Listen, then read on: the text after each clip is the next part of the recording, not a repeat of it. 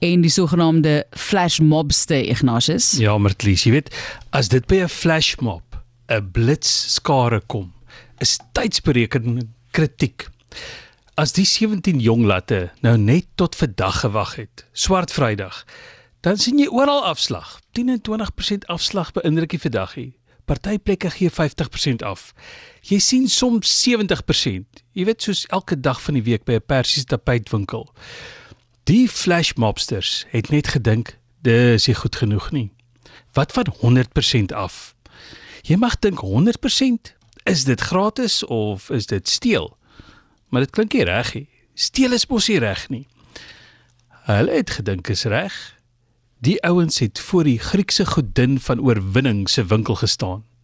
Die winkel se logo is 'n regmerkie.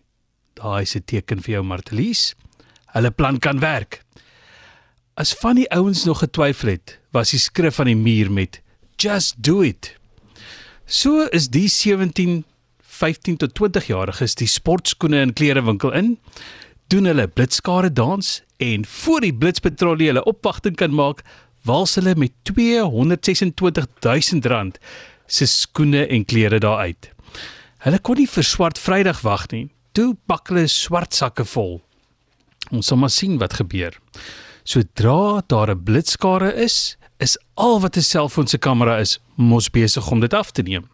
En die blitskare het die nuus gehaal, die koerant, nou die radio en 'n selfoon naby jou. Ons sal maar moet sien wat gebeur. Miskien is die godin van oorwinning aan die polisie se kant.